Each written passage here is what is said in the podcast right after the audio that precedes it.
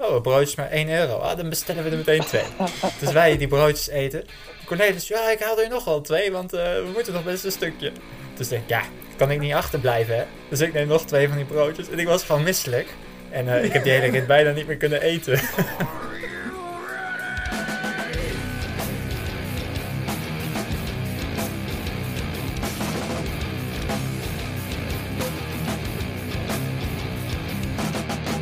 Zo, dat is lang geleden, hé. Maar daar zijn we weer. Trildon Broers podcast aflevering 25 was het, hè? Een jubileumnummer. Het is al zo lang dat ik vergeten ben hoeveel er eigenlijk waren. Tja. Ja, hebben we wat te vieren? De comeback, hoe, uh, hoe komt het eigenlijk dat er zo lang tussen zat? Corona. Ja, dat is tegenwoordig het antwoord op zoveel vragen. Ja, dat is standaard. Dat is een beetje makkelijk, hè? We namen natuurlijk eigenlijk altijd live op. En dan maakten we er meteen een activiteit van. Gingen we mountainbiken of zo, of uh, hardlopen. Of, uh, maar um, ja, dat mocht natuurlijk allemaal niet. Uh, dus toen gingen we op afstand een paar keer opnemen. Maar dat was toch niet zo'n succes als live, toch? Nee, nu mag het weer. En we zitten nog steeds op afstand. ja, maar hoe, dat komt ook omdat Cornelis niet in Nederland is. Dat is waar. maar eerst even, we zijn niet met de volledige bezetting. Um, ik ben er, Bouke, en dan uh, in het midden van mijn scherm zie ik Cornelis. En helemaal rechts ja, uh, ja, hey. hey. Yo. En Cornelis dus vanuit Oostenrijk. Vertel eens, waarom ben je daar? Ja, ik uh, doe zondag 27 juni mee aan het Europees kampioenschap halve triathlon. Dus um, voor mij belangrijke dagen. Zo, en als pro heb ik gehoord. Ja, je debuut. M mijn debuut als In pro. Het professionele klopt, ja veld. Krijg je dan veel betaald? afstand? Nee, dat is wel een goede vraag. Hè? Die krijg je van leken. Dus kun je die vraag nog wel eens krijgen. Maar nee, je krijgt niks betaald. Het kost alleen maar geld. Um, maar het is, wel, uh, het is wel fascinerend. En um, dat ik als pro mag starten en uh, ons land mag vertegenwoordigen... is natuurlijk een... Uh, voelt echt wel als een eer. Um, het is wel tof. En het voordeel is, ik hoefde vandaag niet in de rij te staan... om een startnummerpakket op te halen. Dus we uh, gaan zondag starten. We spelen voetbal en we doen zondag ook nog triathlon. Ja, nou ja, mooi. Dus uh, ja, nee, ik vind het wel tof. Kijk, uh, jij zei altijd van, oh, moet ik dat doen, moet ik dat niet doen? En je was dan een beetje aan het twijfelen. Maar um, ik denk dat je het qua niveau best aan kan. En je moet het gewoon proberen. Ik bedoel, als je het niet probeert, dan weet je het natuurlijk ook niet. En er wordt wel eens moeilijk over gedaan van, oh ja, waarom wel, waarom niet? Mag je als pro, mag je niet als pro? Gewoon proberen en als je op je bek gaat, heb je het in ieder geval geprobeerd. Ja, klopt. En, uh, vind, je het spannend? Is het anders? Denk je dat het anders is? Nou ja, ik weet niet. Ik heb normaal echt niet zo'n probleem voor zo'n wedstrijd. Maar ik, ik zit hier letterlijk aan het parcours, aan een uh, mooie afdaling. En wat mij opvalt is dat uh, iedereen die voorbij komt zo verrekte hard hier afdaalt. Dat ik denk, oh, iedereen is snel. en en um, um, wat je zegt is inderdaad waar. Ik twijfelde heel erg. Moet ik als pro of uh, als uh, agegroeper. Um, het is wel iets spannender nu het als, als pro is voor mijn gevoel. Ik heb echt werkelijk geen idee of ik het niveau aan kan. maar dat gaan we zondag wel zien. En hoe is het startveld? Ja, het is een, uh, het is een EK-waardig veld. Het is uh, best, wel, uh, best wel sterk, hoewel EK-waardig. Um, er zijn altijd een heleboel atleten die er missen. Dat is, ligt wat complex, maar er zijn eigenlijk meerdere EK's en meerdere WK's. Je hebt het Ironman Europees kampioenschap en het Ironman Wereldkampioenschap en die vanuit de ITU. En die van de ITU wordt georganiseerd door Challenge. Dus dit is Challenge Keizer Winkel. En um, maar er doen dus wel echt wel een aantal hele sterke atleten aan mee. Ja, noem, ze, noem eens iemand. Ik ga even de startlijst opzoeken om uh, een beetje compleet te zijn. Volgens mij Andy draait. Ja, ik zag uh, vanmiddag een uh, Instagram-post van Ruben te Punkte. Um, voor de trouwe luisteraars, ik denk in aflevering 2 of 3 vertellen jullie een leuk verhaal dat jullie met hem aan het douchen waren. En Nee, die, die uh, heeft dus in, bij de opleidingsploeg van misschien destijds Rabobank, geloof ik. Ja, Rabobank. Vertel, heeft hij gekoerst en da daardoor kon hij dus Nederlands. Dat is echt een, uh, een Uber-biker eigenlijk, hè? Ja, maar hij kan ook wel aardig zwemmen en lopen. Inmiddels wel, ja. Dat is wel leuk. Dus dat is denk ik wel een geduchte concurrent in ieder geval. Ja, lachen man. Eh, eindelijk weer. Ja, dat wordt heel echt tof. En ehm, ja, ik heb er wel mega veel zin in. Ik is denk wel dat je eerste, eerste wedstrijd van het jaar toch ook? Meteen? Ja, het is, um, ja, het is mijn eerste wedstrijd van het jaar, inderdaad. Ik heb vorig jaar heel hard getraind voor, uh, voor, de, halve, voor de hele triathlon in um, uh, Portugal. Um, maar um, die ging last minute niet door. Toen heb ik een halve gedaan en dat was toen mijn eerste halve. En uh, dit is eigenlijk de volgende serieuze wedstrijd. En uh, naast tussen punten, doen er nog meer goede atleten mee? Het is best wel een sterk veld. Um, uh, vedettes als uh, Bart Arnoud, Belgische vriend, Thomas Steger, Frederik Funk, Rudy Wild en uh, Gilo Molinari doen mee. Ik heb de startlijst er even bij gepakt. Ik heb de, winnaar, zijn, ik heb de winnaar al gehoord. Oké. Okay. Rudy Wild. Frederik Funk. Ja, want die, was, die is eerder dit jaar heel goed geweest. Ja, vorig jaar ook al een keer ergens in een van die weinige wedstrijden. Wat heeft hij gedaan? Ja, gewonnen. ik weet niet meer waar, maar... Goed verhaal. Wat, wat, wat heeft hij nog meer gewonnen dan? Ja, volgens mij heeft hij St. Polten gewonnen. Vorig jaar, maar dat was ook echt een van die weinige races in die coronatijd waar echt iedereen aan de start stond. En hij won daar. Zo, ah, vanuit het niks, min of meer. Mm, ja, hij zat er wel eens dichtbij, maar uh, het is gewoon weer zo'n snelle Duitser, zeg maar. Eh, is, is die uh, zwaar of niet? Want het parcours hier uh, leent zich wel weer voor mannetjes zoals ik. Ja, het is, het is inderdaad, ja, het is wel, ja, dat weet ik eigenlijk niet. Het parcours is echt, um, er zitten duizend hoogtemeters in en het is geen momentvlak. Het is technisch ook, dus ik, ik baal voor het eerst in mijn leven dat ik geen schijfremmen op mijn tijdritfiets heb. Want ik heb, de, ik heb een oude Canyon Speedmax van Team for Talent en die staat erom bekend dat hij niet al te best remt. Ja, als het hier uh, regent, dan ben ik echt de Sjaak, zeg maar. Dan, uh, dan is het echt levensgevaarlijk. En als het niet regent... Nee, als het niet regent is het nog steeds gevaarlijk. Dus het is wel echt een heel technisch parcours, wat me trouwens wel weer ligt. Want ik vind sturen altijd wel erg leuk en ik heb het goed verkend. Misschien trouwens dan wel iets nog... uh, voor onze vriend uh, die kan hard fietsen, hij komt uit het wielrennen, zo kan ja. ook wel sturen. Ja, ja dat is zeker een goeie. Wie weet kan die verrassen op de fiets. Um, ik, heb, uh, ik kreeg een berichtje, want weet je wie ook meedoet? Onze, onze vriend Tom, onze oude teamgenoot van Bayer. Oh, Navitom. Navitom. En, en hij Tom -tom. woont hier op twee uur rijden. En hij heeft een uitgebreide analyse gemaakt van het parcours met lijntjes waar je kunt afdalen en hoe het erbij ligt. Speciaal dat had hij op een Duits triathlon forum, nee, oh. had hij op een Duits triathlon forum gedeeld. Maar echt hilarisch, want ik kreeg dat dus van hem. Toen dacht ik, ja, hij bevestigt zijn naam gewoon weer. Navitom. Navitom. ja, hij had op trainingskamp, hij Tom, hij had op trainingskamp de routes gemaakt uh, voor een paar jaar geleden. Dus uh, vanaf toen is hij bestempeld tot Navitom natuurlijk. Navitom Tom, ja, daar had je bij moeten zijn. ja, dat is mooi. Die doet ook mee. Oh, doet hij zelf ook mee? Ja, hij start dus als agegroepen, maar hij is dus wel... Uh, ja. ja. ik denk dat hij ongeveer van mijn niveau is. Dat snap ik dus niet, hè. Uh, die gast die traint als prof, hij leeft als prof. Volgens mij is hij, zeg maar, praktisch gezien, uh, qua levensstijl prof. Hij had laatst een halve marathon in 1.9 gelopen zoiets. En dan start hij als ja. agegroeper. Maar um, ik weet niet of die ook zomaar in Duitsland hoe dat werkt qua selectiecriteria om een pro-licentie te krijgen. Ja, dat weet ik eigenlijk ook niet. Misschien, uh, want daar is de, de sport in de breedte natuurlijk veel sterker. Laten we eerlijk zijn, hier in Nederland is lange afstandsselectie gewoon niet zo heel goed. Als je kijkt wat oh, we internationaal in de melk te brokkelen hebben als mannen. ja. Daar is gewoon niet. Ja, in Duitsland heb je veel van die semi-profs volgens mij inderdaad. Zoals de Timo van, van Bayer, dat is ook zo'n type. Ja, die profileert Ja, maar weet je, dit soort lui heb je in Nederland ook. Uh, de gasten die uh, volledig uh, ervoor leven en niet werken of weinig werken en alles voor de sport, maar niet als prof starten. Nee, dus het maar is, het is ook wel niet iets... het niveau hebben van prof zijn. Ja, dat vraag ik me af.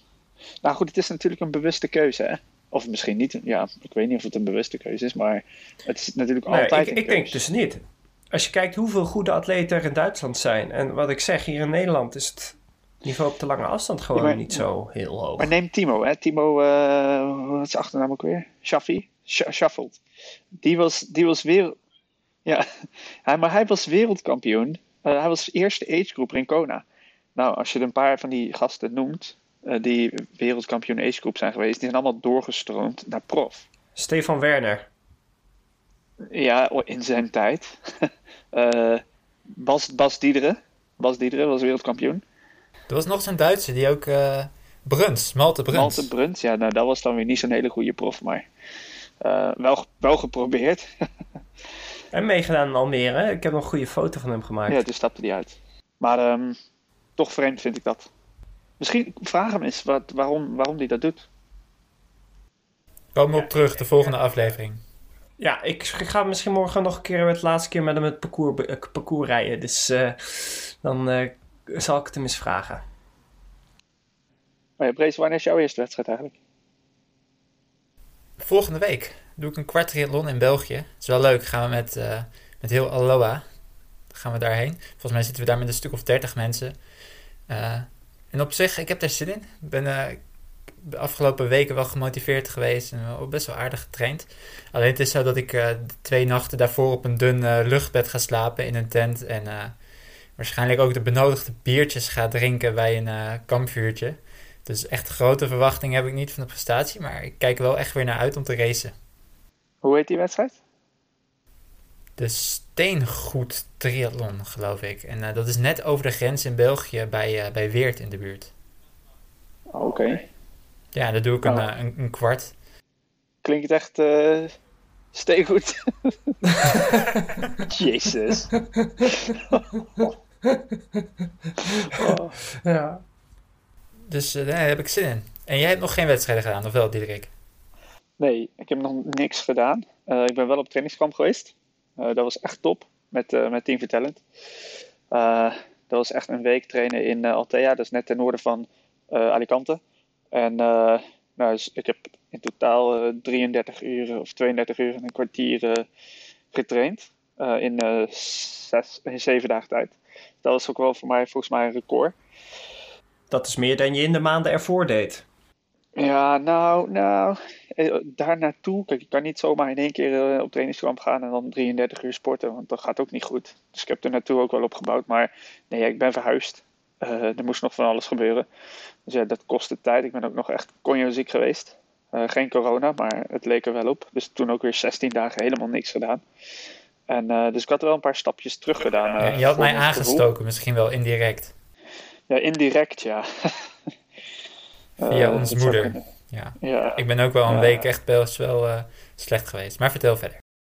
Ja, en eh, nou ja, toen dus op trainingskamp en dat ging echt top. En over twee weken doe ik een halve in Maastricht, een 043 triathlon van Bear Sports. Dus dat is niet Ironman, maar een andere wedstrijd. Ik begreep overigens dat er nog startplekken beschikbaar zijn, dus eh, wie wil battelen, bring it on. Mooi. Is dat, dat is denk ik, eh, ja, ik, ik ga zeker meedoen. Dat is denk ik eh, een van de eerste hal, ik denk de eerste halve In weer Nederland in, wel, ja. in Nederland. Dus ehm, eh, grijp je kans, zou ik zeggen. Ja. Nou ja, dus daar heb ik ook echt wel zin in hoor. Afgelopen weken ook wel weer net wat meer op de tijdritfiets gereden en zo. Dus eh, nee, ja, daar, eh, ik zie er wel echt weer naar uit. Dat is mijn eerste wedstrijd sinds ja, december 2019. Officiële wedstrijd, dus eh dat is lang, lang geleden. Ja, op een toffe locatie. Dus ehm, ik ben, eh, ben heel benieuwd. Het is de- ook weer de eerste Battle of the Brothers sinds lange tijd. Nou, zeg dat. Brees, niks voor jou dan. Ja, kun je die datum nog eens herhalen? Wanneer was dat? 11 juli. 043 triathlon Maastricht.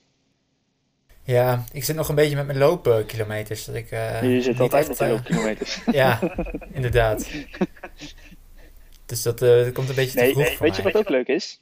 Het is tevens selectiewedstrijd voor het WK Long Distance. Dus in Almere is dit jaar het WK. En ehm, als je die wedstrijd in Maastricht wint of je wordt tweede, mag je automatisch starten mits je wil hè, op het WK lange afstand. Oh, dan doe ik Eh, mee. het was de ja, ja, precies. Ja. Het was de bedoeling dat dat in Nieuwkoop zou zijn, het NK halve. Maar ja, die is vooruitgeschoven, of- of achteruitgeschoven eigenlijk. En eh, nu is deze wedstrijd daar eh, bepalend voor. Maar zijn er serieuze knikkers te verdelen? Nou ja, als je wint of tweede wordt, dan mag je meedoen aan het WK. Mag je Dat je is, land eh, vertegenwoordigen. Ja, ik, eh, ik ga daar wel voor. Het zou wel echt heel vet zijn. Het zou zuur zijn hè, als jij dan derde wordt en ik, eh, ik win. Oh, Of ik word tweede. dat zou echt zuur zijn, maar dat gaat niet gebeuren.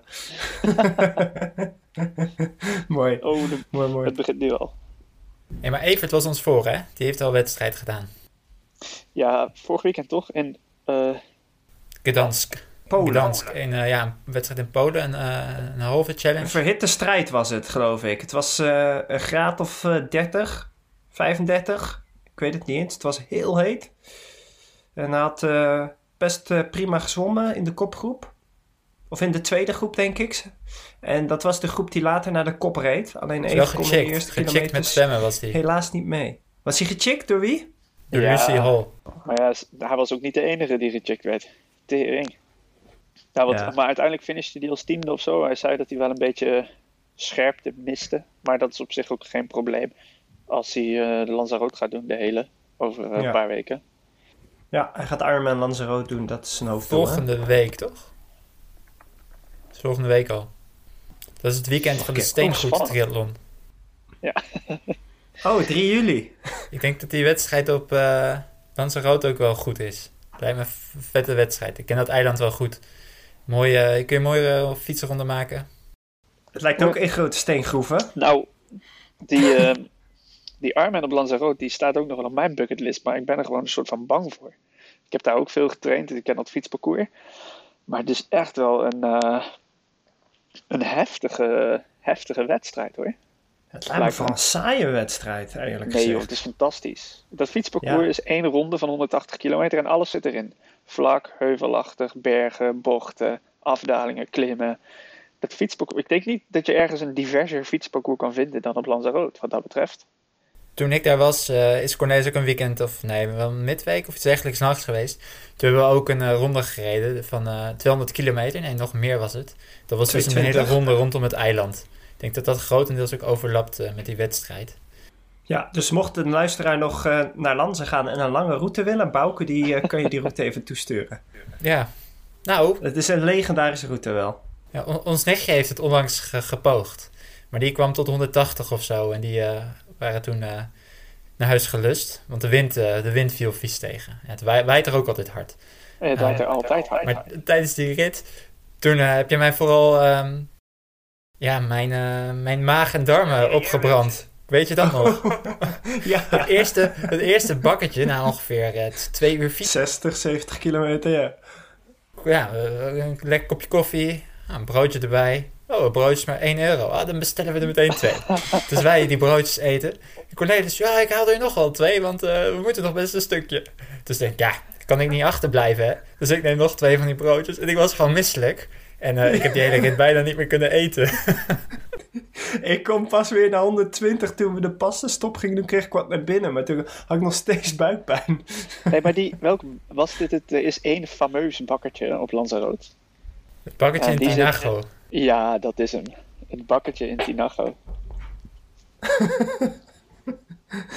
Ja, dat is wel echt fameus. Hey, maar jullie hebben dus eigenlijk het Ironman parcours gereden plus eh, dan eh FMS erbij. Ja, nou, ik, eh, ik zat daar meer dan drie maanden op dat eiland. Dus ik, onderhand ken ik iedere weg daar. Dus we hebben toen zelf een rondje gemaakt eh, waar ik vond dat de allermooiste wegen in zaten. Maar volgens mij klopt het ongeveer wat je zegt, ja. Eh VMS is nog een klim met volgens mij stukken van meer dan 20%. In ieder geval super stijl. En daar kwamen we toen op kilometer eh, 190 nog eh, overheen. Eh, maar ik geloof dat hij inderdaad niet in de Ironman-ronde zit. Mag ik nog één, ding over het parcours op Lanzarote? Hè? Hawaii is een disc verboden. En Lanzarote is de enige andere wedstrijd waarvan ik weet dat de disc ook niet is toegestaan. Dus dat zegt wel wat over de omstandigheden. En dan nog niet eens de hoogtemeters. Dus eh brute race. Mooi. Maar je zegt net, het is mijn eh, enige race die ik misschien ook nog op de bucketlist heb staan. Heb je geen andere races op de Oh nee, niet bucketlist? de enige. Maar deze staat er nog wel op. Maar eh, eh, dit is de enige race voor welke ik echt een soort van angst heb. Dat ik echt denk van, poh. Maar bucketlist races. eh, ik wil rood altijd nog een keer doen. Tja. verder heb ik ze wel een beetje afgewerkt. ik kan jij, er nu even geen bedenken. Ja, ik heb niet echt bucketlist wedstrijden. Het is niet zo dat ik denk van nou dat lijkt me nog heel gaaf. Of eh, en misschien een beetje een saai antwoord, maar ik denk dat dat het wel is. Misschien de Friesman. Nee. nee. Nee, ik heb dat niet. Jij wel, Cornelis? Nee, ik wil de Triathlon van Almere nog een keer doen. maar het is niet per se een, eh, een bucketlist dingetje of zo. Ik, ehm, ik verbaas me over hoeveel mooie parcoursen en wedstrijden er überhaupt zijn. Ik ben nu in Oostenrijk en ja, het is magistraal hier qua heuvels en eh, de bergen om me heen. Ik kijk naar buiten en ik eh, kijk op een bergtop die verhuld is in de wolken. Ja, het is gewoon bizar. Het is prachtig. Dus ehm, eh, geen bucketlist, maar ik denk dat er nog zat mooie wedstrijden te doen zijn. Mooi. Maar we gaan er denk ik eh volgende aflevering misschien wel horen van Evert. eh, hoe hij over het parcours denkt. Misschien als hij hem al gedaan heeft. Misschien eh, in zijn voorbereiding. Ja, hij, hij, kent, hij kent het daar natuurlijk ook. Eh, hij heeft daar ook vaak zat getraind. Eh, dus ik ben wel benieuwd of hij er dan anders over denkt als hij die wedstrijd gedaan heeft. Lanza zag ik overigens 51 mannelijke profs. Waar ook echt een brute lijst aan namen. Ja, omdat er natuurlijk minder races zijn. Heb ik wel het idee dat de races die doorgaan natuurlijk veel sterker bezet worden. Ja, je ziet eigenlijk dat het inderdaad zich overal. Iedereen gaat overal naartoe, lijkt wel. Ja, en ik heb ook het idee dat iedereen kaart getraind heeft. Ja, je kan wel eh, zeggen dat het niveau eh, omhoog lijkt. In de afgelopen paar jaar. In de afgelopen twee jaar. Ja, nou als ik hier lokaal bekijk. ehm, ik heb woensdag een tijdrit gedaan. Het is een tijdrit van 12,5 kilometer. Eigenlijk meer voor, eh, voor studenten wordt dat georganiseerd. Ehm, normaal zat ik eigenlijk altijd wel in de top 5. En ik reed eh, 12,5 kilometer in ongeveer 17,5 minuten. Iets sneller. Dat is 42,5, 43 gemiddeld daar ergens in de buurt. Ehm, maar nu was ik opeens iets van tiende of zo. Dat wa- was ook wel apart. Dus ook in de breedte lijkt het misschien wel zo dat het niveau eh, hoger is geworden. Ja, misschien hebben we gewoon meer mensen afgelopen jaar eh, tijd en eh, motivatie gehad om eh, te gaan sporten. Ja, Is natuurlijk ook wel voor mij ook. Ik heb natuurlijk door het thuiswerken veel meer tijd gevonden om te trainen. En ik kan me ook voorstellen, dat zie je in, eh, in de atletiek, eh, zie je dat ook wel terug. Dat er, eh, eh, nou die marathons, omdat er heel lang geen wedstrijden zijn geweest, eh, hebben atleten een hele lange periode heel gefocust goed aan hun basis kunnen werken en heel goed kunnen trainen. Ehm, Respect Ja, als je dat kan. Voor mij, ja, ik heb juist wedstrijden nodig dat ik denk, oké, dat is leuk om voor te gaan trainen. En dan, eh, dan pas kan ik ook eigenlijk echt goed gaan trainen, denk ik. Of sporten. ja, dit, dit is waar de jochies worden onderscheiden van de mannen. Nou, ik heb wel gezien dat eh, elk jaar kijk ik zo, eh, niet, niet omdat ik het belangrijk vind, maar wel statistisch gezien van ho- hoe zat het jaar in elkaar. Hoeveel kilometer heb ik gemaakt? En afgelopen jaar, eh, zeg maar 2020 dan, ik heb nog nooit zoveel eh, gelopen en gefietst. Maar dat komt dus omdat er geen wedstrijden waren en hoef je ook niet te taperen en niet te herstellen. Dus je traint gewoon elke weekend door eigenlijk. En als je race, dan kan dat niet en dan gaat het niet. Eh, zwemmen was natuurlijk een ander verhaal. Ja, de baden waren dicht.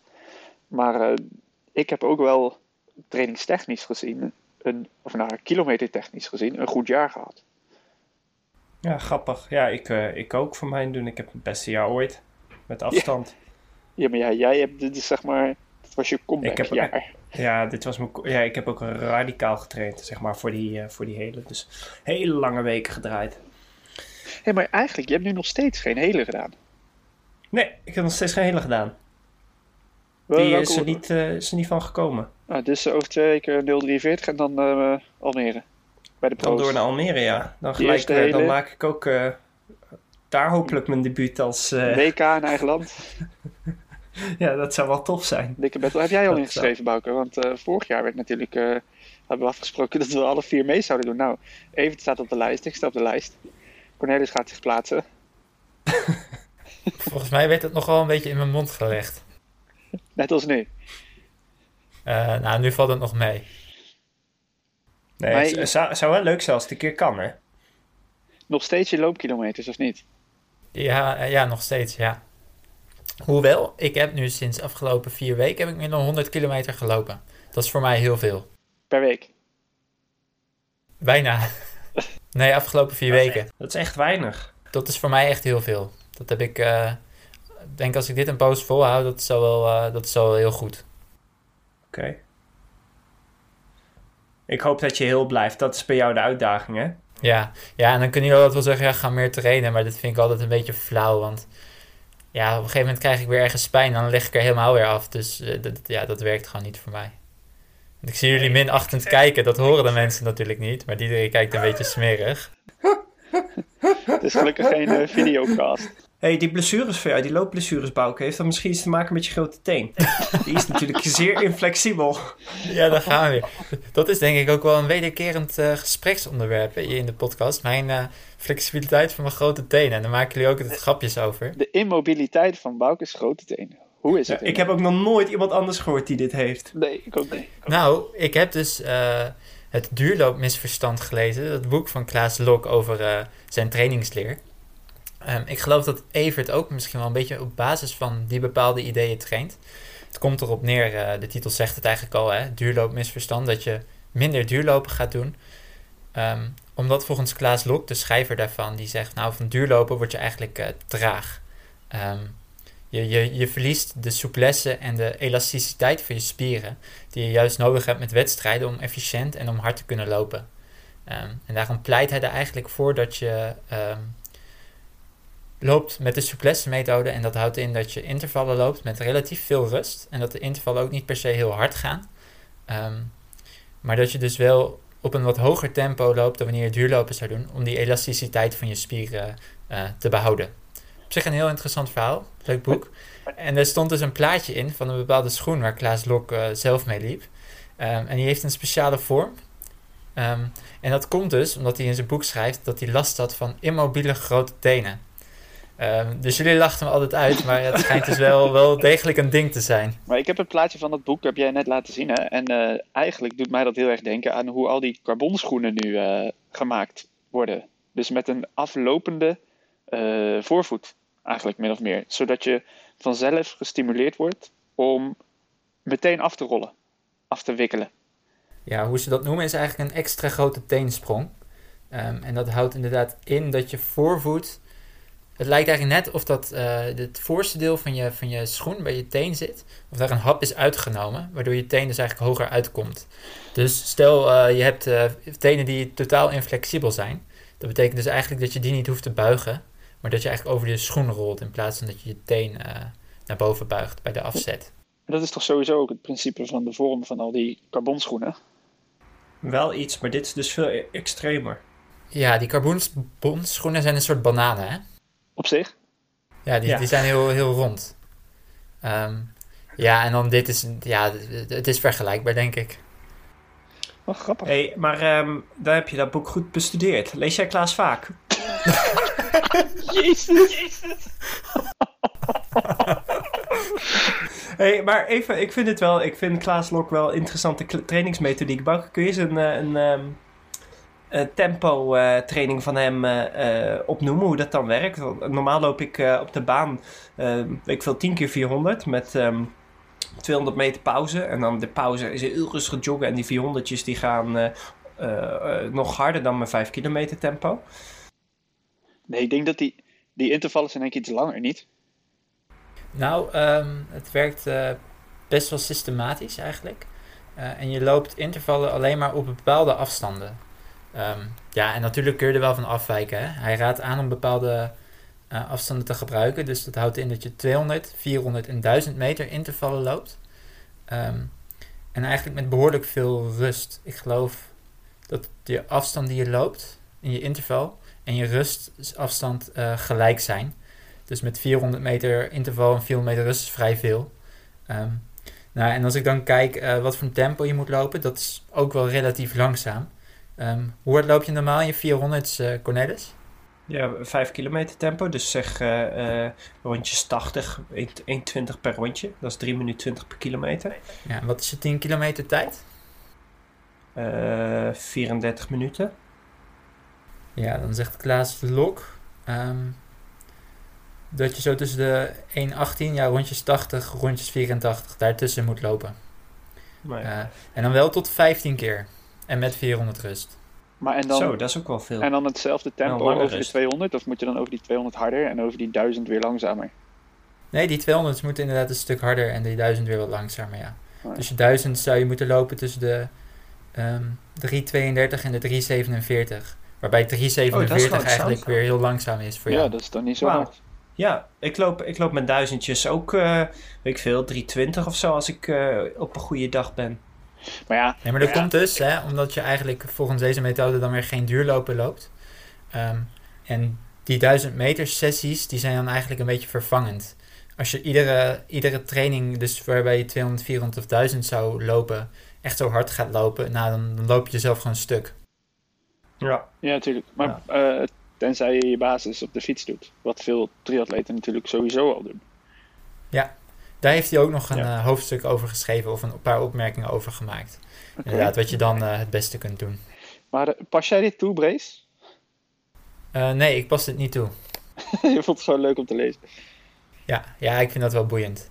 Nee, wat ik merk voor mezelf eh, is wanneer ik ehm, hoge tempo's loop, dan worden de krachten in je lichaam ook veel hoger. Dus het risico op blessures neemt daarbij toe.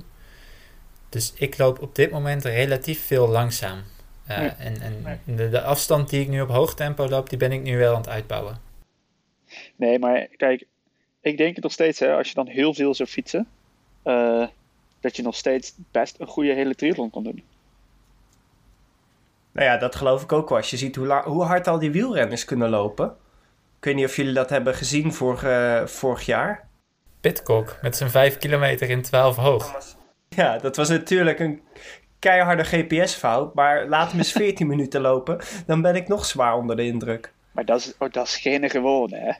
Nee, maar Bouke is ook geen gewonnen. Dat moet je niet vergeten. Ja, dat is weer op een ander vlak. maar, goed. maar goed. Maar je wil het niet gaan proberen, Bouke. Je hebt niet zoiets van, ik ga, daar, ik ga daarvoor. Nee. Nee, ja, misschien als ik nu eh, lekker eh, dit eh, jaar mijn 100 kilometer per maand kan volhouden, dat ik dan eens een halve ga proberen. Ehm, dat zie ik wel, wel zitten. En ik Zou denk leuk dat dan. zijn. Ja, ik heb al natuurlijk, ik denk 2018 of zo, al een paar halve gedaan rond die periode. Ehm, en ik denk dat ik dat wel weer eerst wil doen voordat ik weer een hele ga beginnen. Oké, maar weet je wat we dan doen? Ik daag jullie uit.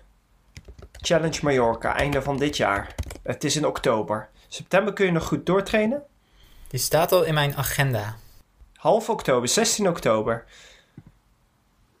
Mallorca, gaan we dan meteen eh, een week in een villa zitten? Ja, lijkt me een goed plan. Gaan Dat we een een week in de villa? party-eiland, hè?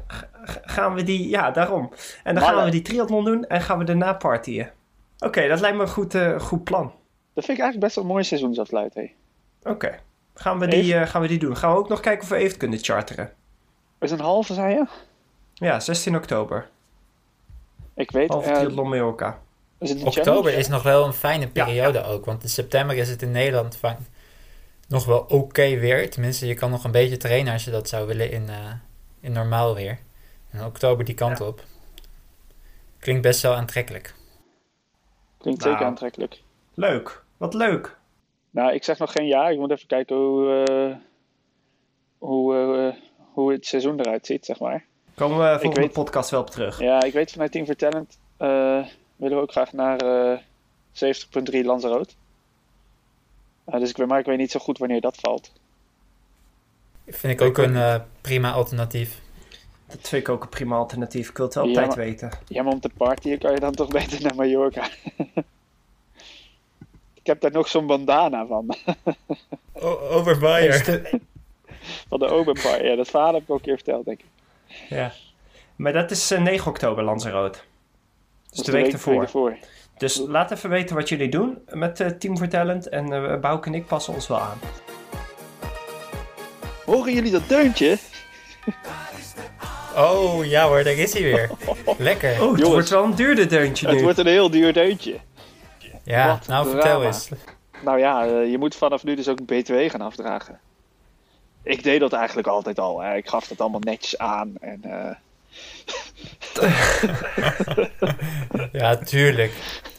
Nou ja, maar we konden het, we konden het als Triathlon Broers BV was het toch allemaal aftrekbaar, dus maakt niet uit. nee, maar ja, eh, eh, eh, hebben jullie nog iets besteld? Ja, heel erg veel. Want ik heb bedacht van nou, alles moet dus voor, eh, wat is het, juli binnenkomen. Anders moet ik er meer over gaan betalen. Dus ik heb gewoon heel AliExpress afgescrolld. En als ik dacht dat ik klaar was, ben ik overnieuw begonnen. En ik heb dus maar gewoon een paar bestellingen gedaan. Ehm, onder andere een fietsspel. Serieus? Nou, nee, maar soms heb je zo'n periode, hè. Dus ik heb zo'n fietsspel Ja. gekocht. Zo'n zo'n mooie fancy eh, fietsspel. Past alleen niet op mijn eh racefietsstuur. Die is te dik. Maar die zit nu op een tijdritfiets. Eh, ideaal. Super luid. Ehm, en ik heb eh, de kosten van het belletje heb ik al terugbespaard in de besparing van mijn remblokjes. Die ik dus eh, minder heb hoeven slijten. dus eigenlijk heb ik die investering al, al, al lang en breed terugverdiend. Eh, jongens. Om maar een voorbeeld te noemen. Nee, dat is zo'n belletje kost denk ik 2,5, misschien eh 3 euro. En die bevalt. Nou, mooi. Goeie koop. Hoe, hoewel, ehm, ik had er twee besteld. Daarna zit ik er ook in op mijn mountainbike. Ehm, en, je- en je hebt zo'n zo'n lipje, weet je wel, waarmee je eigenlijk je, de, de hamer die dan op de, op de bel eh, slaat. Eh, en die zat er gewoon helemaal niet bij.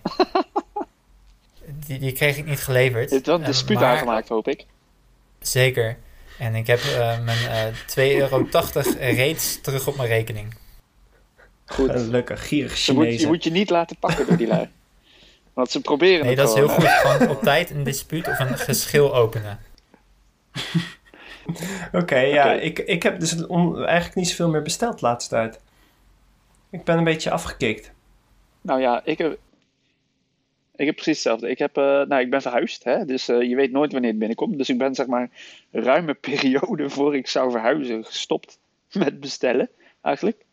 En ik heb op mijn nieuwe adres nog niet eens iets ontvangen. Dus, eh, en ook op mijn oude dus niet. Dus ik heb zeg maar al een paar maanden, nou ja, eh, ik heb een shopstop, zeg maar. eh, eh, ja, Oké, Dat is soms oké, ook goed. oké. In deze consumentenmaatschappij. Ja, ik heb er nog wel Heel een goed. paar. Ehm, die kan ik uit mijn eh mouw schudden, maar ik kan ze ook bewaren voor de volgende keer. Bewaar ze maar. nou volgens mij zijn we er wel doorheen, toch? Door de AliExpress koopjes. Of door de podcast. Of beide. Allebei. Ja, we kunnen natuurlijk nog best wel lang blijven lullen, maar eh, eh, het lijkt me wel leuk om dit weer zeg maar op een soort van eh, regelmatige basis eh, te doen. Zeker. Ja, als in, eh, luisteraars willen dat denk ik ook weten. Quasi regelmatig drie weken. Zoiets, drie weken. Drie tot vier. Helemaal als er ook weer wedstrijden zijn en zo, dan hebben we ook weer wat om over te praten. Nou, dat lijkt me prima. Dan over, tot, eh, tot over drie of vier weken dan, hè. Oké boys,